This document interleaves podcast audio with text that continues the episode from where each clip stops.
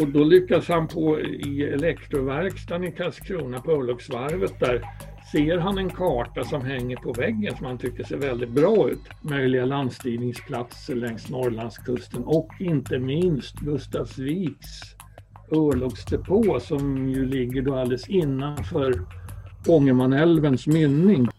Välkommen till ytterligare en podcast från Militärhistoria. Idag är det Lars Eriksson Wolke som vägrar att gå i personlig lockdown som vi har på tråden och Lasse berättar om marinspionen Hilding Andersson som var verksam i slutet av 1940 och i början av 50-talet.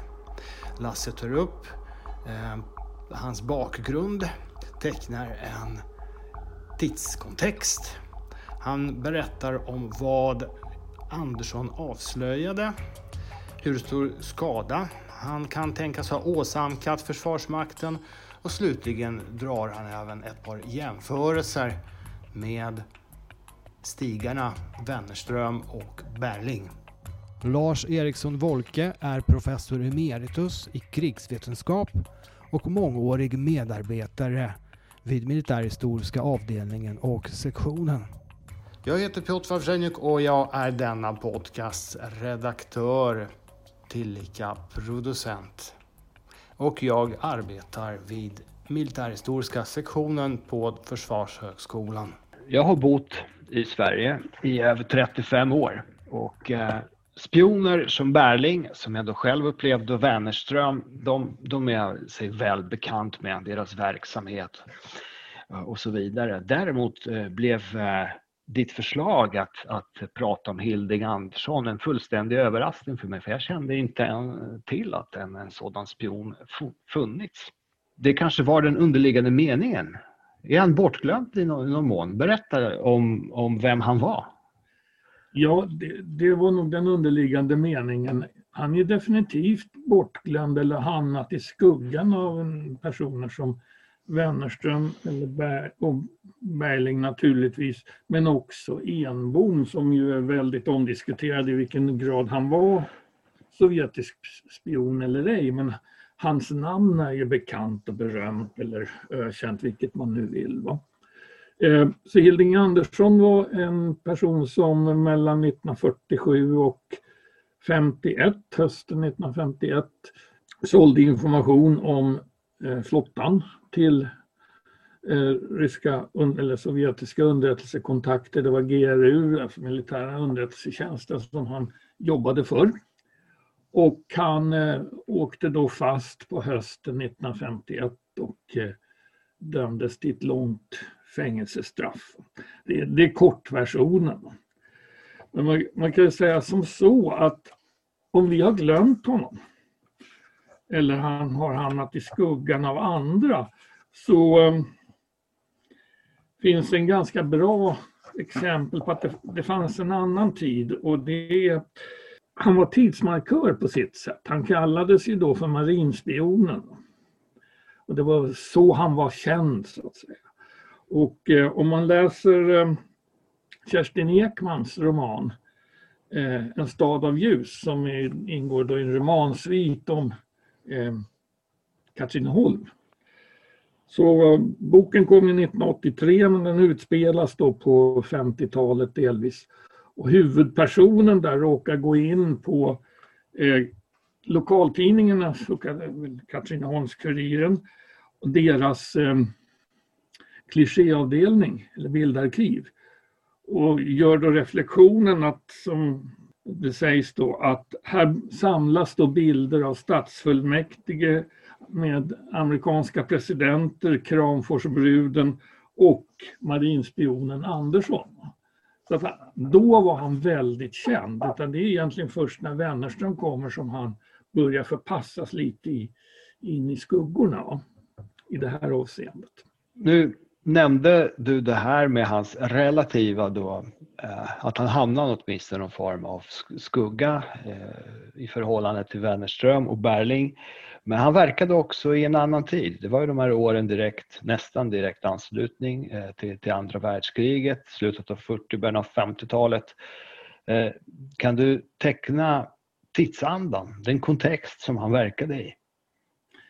Tidsandan kan vi säga är just ett kallt krig som å ena sidan är väldigt kallt eh, och frostigt och eh, å andra sidan också varmt eller hett i form av Koreakriget som ju började 1950 och slutar 53. Och den offentliga delen av historien om Hilding Andersson den utspelar sig 1951, så mitt uppe i, under Koreakriget. Och med den oro som också fanns att det här skulle sprida sig. Vi har ju kinesiskt och i viss mån också sovjetiskt inblandning i Korea förutom då eh, den amerikanska FN-insatsen eh, under det kriget. Sen ska vi inte glömma tror jag att man 51 ändå hade i väldigt färskt minne eh, Pragkuppen 1948 när kommunisterna tog makten med sovjetiskt stöd. Och eh, när vi kommer fram till 51 så har ju kommunisterna och, och med Röda arméns hjälp då eh, etablerat sig i alla de blivande, om man uttrycker mig så, öststaterna. Undantaget är ju då att Jugoslavien försöker att frigöra sig från sovjetiskt inflytande där man vill ha en egen väg då eh, om än kommunistisk. 1950-51 har vi också stora eh, skådeprocesser, bland annat i Prag och i Budapest där hö, högt uppsatta kommunistiska funktionärer eh, döms på påhittade anklagelser och även avrättas. Alltså det, det här systemet framstår i all sin brutalitet under de här åren. Och det gör ju att man också är orolig i Sverige för eh, olika säkerhetspolitiska problem, för eh, spionage och liknande. Jag kan säga att mellan, eh, från, jämfört från 1948-49 då vi har ungefär 50 000 personkontroller, de flesta i försvaret då, så fördubblas det där till 50-51 till ungefär 100 000 personkontroller. Och det återspeglar ju också den här oron att det, det ska finnas eh, spioner, landsförrädare, vilken term man än vill använda.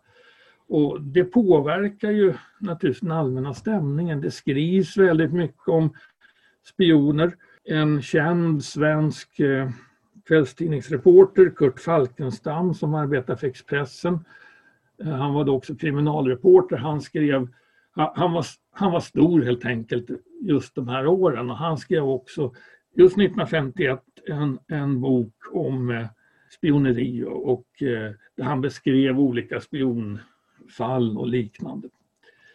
Sen kommer ju då Enbom-historien, men den kommer ju först 1952 så den påverkar ju egentligen inte Hilding Andersson hanteringen på något sätt mer än att den ytterligare spädde på den här oron. Och eh, för ju en lång och snårig historia kort så kan man säga att det är Fritiof Enbom som då greps för spionage och sovjetisk räkning där han skulle ha lämnat ut viktiga delar av övre Norrlands fasta försvar, Kalixlinjen, Bodens fästning och så vidare. Han är ju svårbedömd därför att han var ju något av en estradör. Han pratade vitt och brett när han blev gripen. Och eh, han, ehm, många har sagt att han helt enkelt försöker skapa, sin, skapa en bild av sig själv som storspionen. Fast han kanske egentligen inte var det. Och ehm, det där är ju väldigt svårt att veta exakt men eh, vi vet i alla fall så mycket att en av ehm, skifferhanterarna på den sovjetiska legationen har, som sen hoppade av till väst några år senare, nämner i alla fall Fritiof Enboms namn att han har figurerat i olika telegram, men det är svårt att värdera. Så på något sätt har han arbetat för sovjetisk räkning förmodligen, men att han sen blåser upp sin egen betydelse. Och måste ju ha då varit en mardröm för försvarsadvokaterna egentligen när, när han berättar hur duktig han var och väl också hittar på en hel del. Men som sagt, han kommer då året efter eh, Hilding Andersson. Va? Om vi tittar på Hilding Andersson, folk eh, går du med på den här typen av, av samarbete eh, med främmande makt Eh, av olika skäl. Det kan röra sig om, om pengabehov, det kan röra sig om någon som känner sig oförrättad. Eh, det kan röra sig om ideologi, det kan slutligen även röra sig om utpressning mot vederbörande. Att det finns någon form av komprometterande material mot, mot den här individen. Vad var fallet eh, med Hilding? Med all sannolikhet ideologisk övertygelse. Eh, han eh, tar som 20-åring värvning i flottan i mitten på 20-talet Eh, han avancerar sen till underofficer med teknisk inriktning, arbetar på Stockholms örlogsvarv eller Galärvarvet, eh, också på örlogsstationen som då låg på Skeppsholmen. Han medverkar redan på, på 30-talet i en underjordisk senstilerad tidskrift som heter Torpeden som eh, då eh, en kommunistisk cell på varvet ger ut. Och den riktar sig då till anställda och värnpliktiga. Eh, men sen händer egentligen ingenting mer än att han har en normal karriär. Han visar väldigt stort intresse av att lära sig mera om elektroteknik och sådana saker. Uppenbarligen helt enkelt för att han, är intresserad.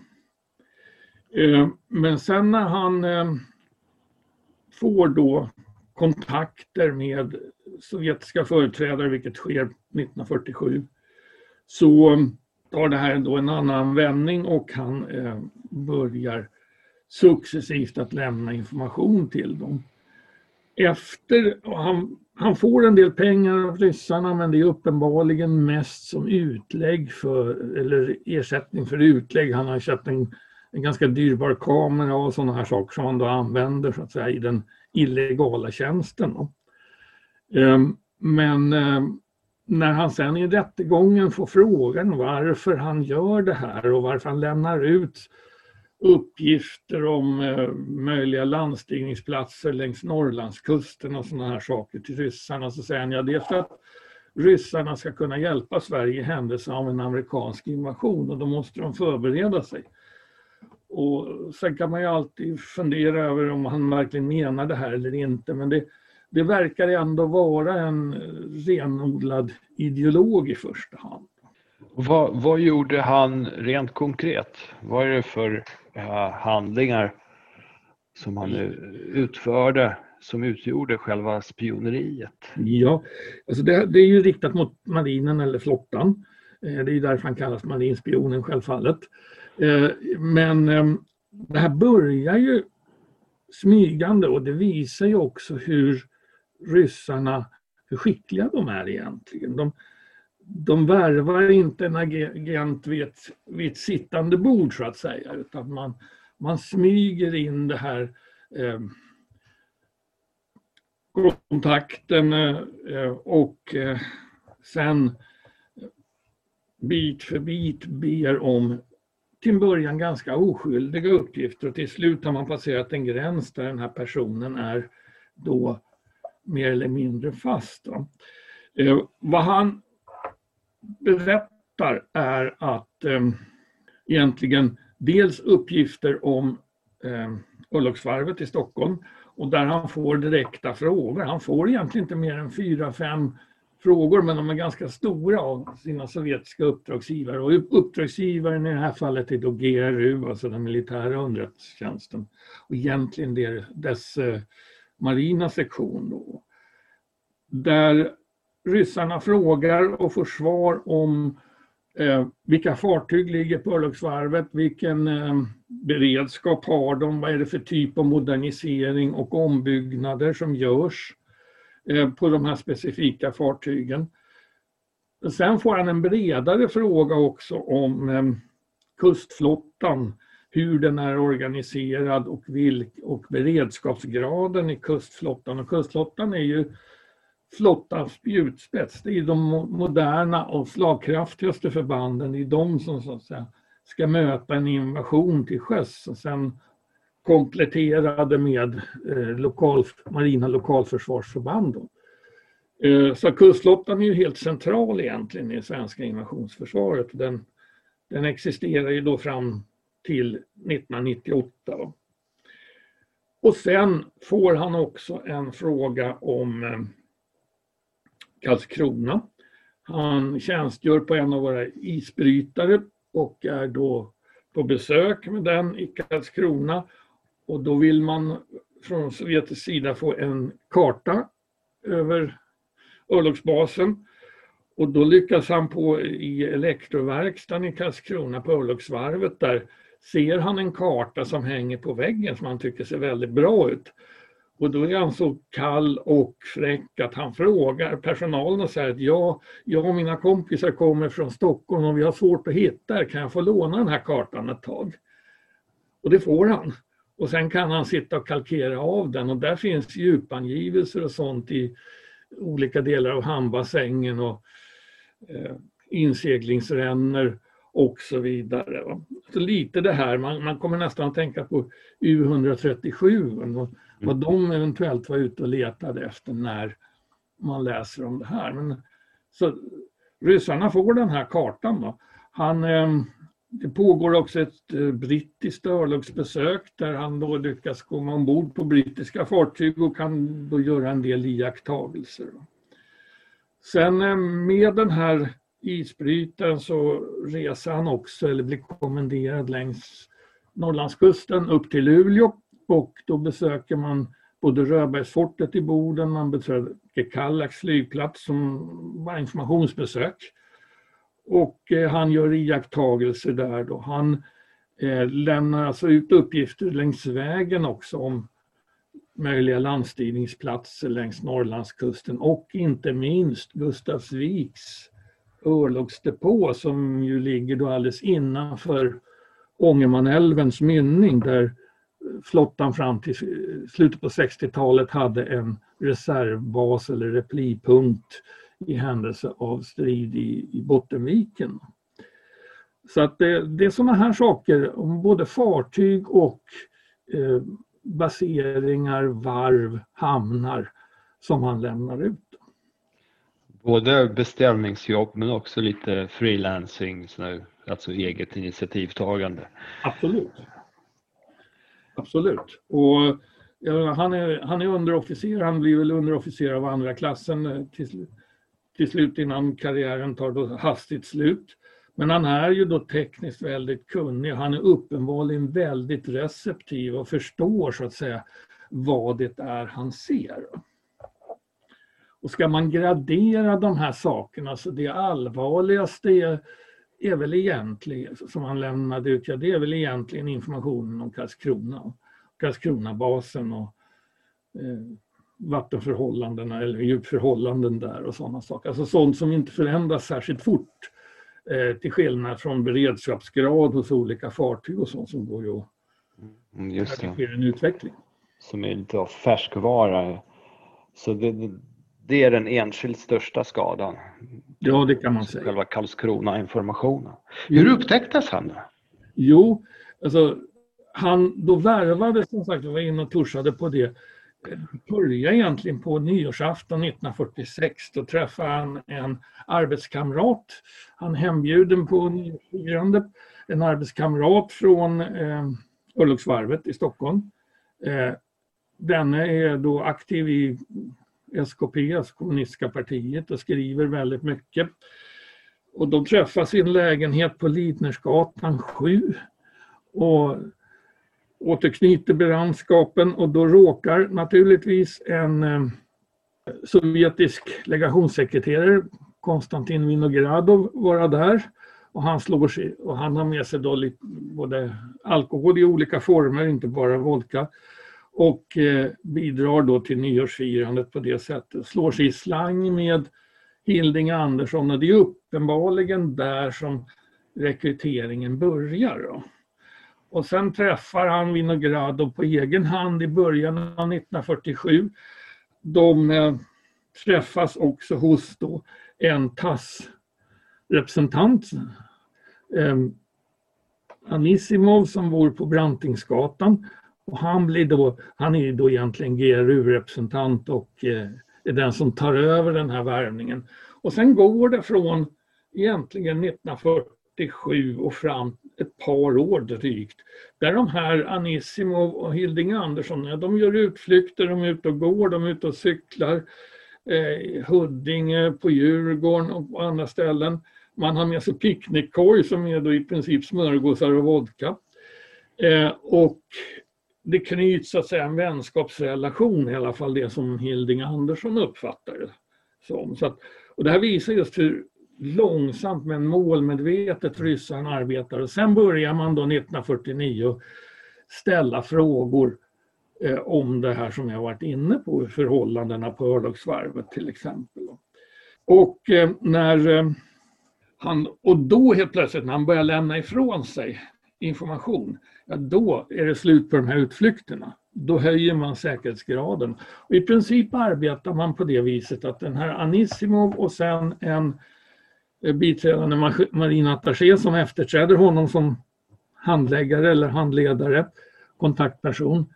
Eh, de gör så här att de cyklar, gör cykelutflykter ut från den sovjetiska legationen eh, och så parkerar de sin cykel på tegelbacken. Idag är det knappast någon som skulle våga ställa cykeln på tegelbacken men då eh, såg såg geografin lite annorlunda ut. Då. Och då hade man cykelställ där. Och då ställde den här sovjetiska representanten sin cykel där. Under sadeln satt ju, hängde då en liten verktygsväska. Och eh, i den så låg då ofta pengar eller eh, Eh, uppdragsfrågor på, skrivna med osynligt bläck. Och så kommer då Hilding Andersson cyklande till det här cykelstället, ställer sin cykel, tar den sovjetiska cykeln, cyklar till Södersjukhuset. Och det är samma procedur gång på gång. Och där tömmer han den då får sitt uppdrag, de pengar som han har blivit lovad. Alternativt han i den här väskan stoppar in också med hemlig skrift och svaren på de frågor han har fått. Och så lämnar han den vid, vid Söderstadion och så åker han hem, eller inte Söderstadion, Södersjukhuset förstås. Och sen åker han hem med spårvagnen till Aspudden. Och varefter då den sovjetiska kontaktpersonen kommer, kommer, tar sig till Södersjukhuset och hämtar cykeln med informationen. Och det som gör att Hilding Andersson upptäcks, det här sker alltså hösten 51, det är eh, att sexpolisen har ingen aning om hans existens. Men däremot tycker de att den sovjetiske biträdande eh, marinattachén, som är hans, då hans kontaktperson, att han är, beter sig konstigt. Han, han ger, beger sig ut på cykelturer titt som tätt och det är inte normalt för en diplomat att cykla runt på stan. Och därför satsar man då resurser på att följa honom och övervaka honom, vilket ju är en över, personkrävande eh, operation. Och då, inser, då ser de ju ganska snabbt att den här karln han, han lämnar sin cykel på tegelbacken och så tar han sig tillbaka till legationen på annat sätt. Och då ringer ju varningsklockor så att man bevakar ju den här cykeln. Och man, först kollar man ju också verktygsväskan och ser att det här är saker och ting som är skri uppenbart skrivet med händigt bläck. Och här ligger en massa pengar ibland och så. Så det här bevakar man ju. Då kommer naturligtvis Hilding Andersson cyklande och så sker det här cykelbytet och då börjar polisen att titta närmare på vad det här är för en gök som man ju inte ens känner igen. Och när man då ser att, eh, förstår att det här är en person som har arbetar inom marinen, då börjar man ju följa honom också. Och eh, sensommaren 1951 så begär, får, be ryssarna honom att ta sig till Karlskrona igen för att det finns, pågår ett nytt brittiskt örlogsbesök. Och där ska han försöka trasslas ombord på något av fartygen. Då. Och då ska han ju inte åka dit i tjänsten utan då begär han eh, tjänstledigt ett antal dagar för att han ska sköta familjeärenden i Nässjö. Och eh, han sätter sig på tåget och där sitter också två spanare från Säpo då, eller det som senare blir Säpo.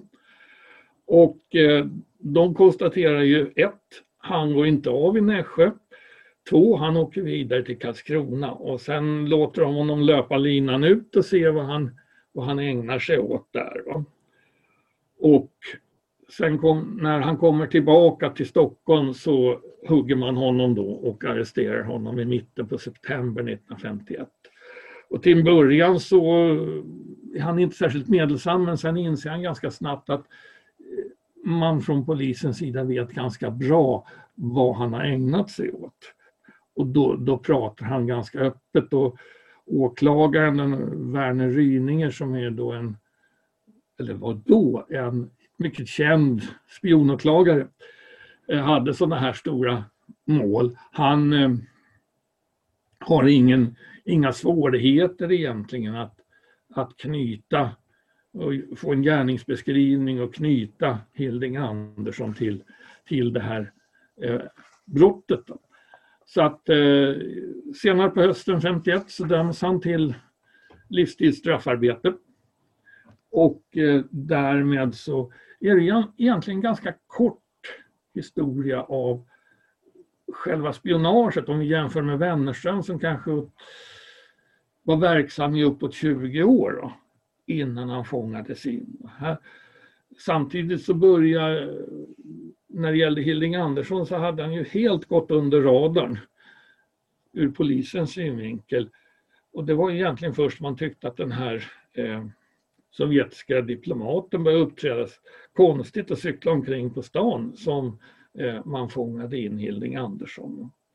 Det var just en fråga jag skulle ställa nu när vi pratat om, om hans, hans bana här och den skada som han eh, kan ha åsamkat Försvarsmakten.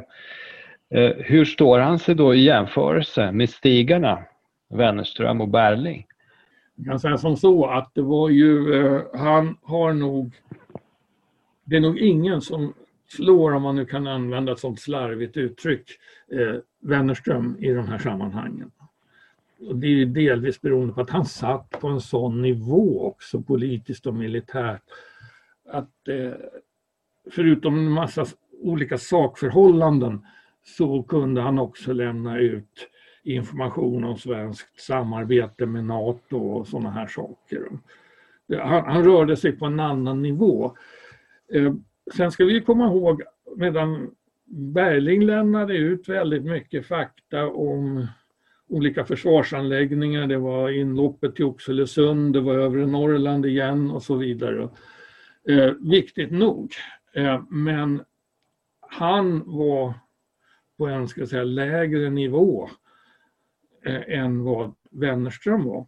Sen är det här svårt att jämföra därför att Berling fick man då hyfsat grepp om vad han hade lämnat ut. Andersson, Hilding Andersson, ja han berättade ju ganska mycket eh, vad han hade lämnat ut. Det var eh, ändå relativt begränsat i, i tid och det gick att eh, följa vad han hade gjort och vilka frågor han hade fått och försökt besvara från ryssarna. Men det, det, är inte så många saker men det är ett antal tunga saker där och tyngsta det, det här med Karlskronabasen. Wennerström är ju helt annorlunda för han sa ju egentligen inte ett pip. Han pratade väldigt mycket under förhören sen han hade blivit gripen. Men så fort eh, förhörsledarna försökte pressa honom på eh, olika saker så slöt han sig som en mussla. Och inte minst när det gällde rekryteringen, hur, hur den hade börjat. Och det är ju fortfarande höllt i dunkel även om det rimligen sannolikt skedde någon gång redan under andra världskriget. Då. Och eh, där man också kan fundera på eh, Ja, han fick pengar av ryssarna och det höll honom på gott humör men de såg också till att till, tillfredsställa hans ego. Han kunde då berätta för förhörsledarna stolt att han nu var general i GRU och att eh, till och med den sovjetiska politiska ledningen hade eh, diskuterat den information han hade lämnat för den var så värdefull och så vidare. Vilket ju hans då vänner i, i GRU hade berättat för honom. Samtidigt finns det möjligen ett ursprung i någon form av utpressning under krigsåren där han kanske där man kanske från sovjetisk sida visste, hade sett att han eh, också slirade och samarbetade med tyskarna i början på 40-talet. Detta är spekulationer men alltså det fanns ingen ideologi egentligen. Det fanns det definitivt Nej. inte hos Bergling heller. Men här har vi en tydlig ideolog i, i Hilding Andersson. Och det är ju den stora skillnaden mellan dem. Jag skulle säga att Wennerström är den absolut farligaste men sen kommer liksom Hilding Andersson i viss mån Bergling delad andra plats som man kan fortsätta uttrycka sig slarvigt. Det är faktiskt värt att komma ihåg att Hilding Andersson eh, dömdes ju till livstidsstraffarbete. Men 1962, eller rättare sagt 61, så omvandlas hans straff till 15 års fängelse. Och 1962, efter 11 år, så släpps han villkorligt och formellt blir han frigiven först fyra år senare. Man kan ju reflektionen att han släpps då 1962, eh, ganska prick ett år innan Wennerström blir gripen. Och då kan man ju fundera på om stämningarna hade, efter Wennerströms gripande och avslöjandet av honom hade kunnat vara sådana att eh, Hilding Andersson verkligen hade kunnat bli frigiven i förväg det kan man nog sätta ett frågetecken för. Men nu hann han bli frigiven i alla fall. Och sen lever han ju ganska länge. Han blir 98 år så att han dör först år 2007. Och det gör ju att avståndet, om det nu skulle behövas till det tidiga 50-talet, faktiskt inte känns där väldigt långt. Det här är, även om han är bortglömd så i någon mening så har han också varit eh, följt med och levt i åtskilliga decennier efter det att han släpptes ut från fängelset.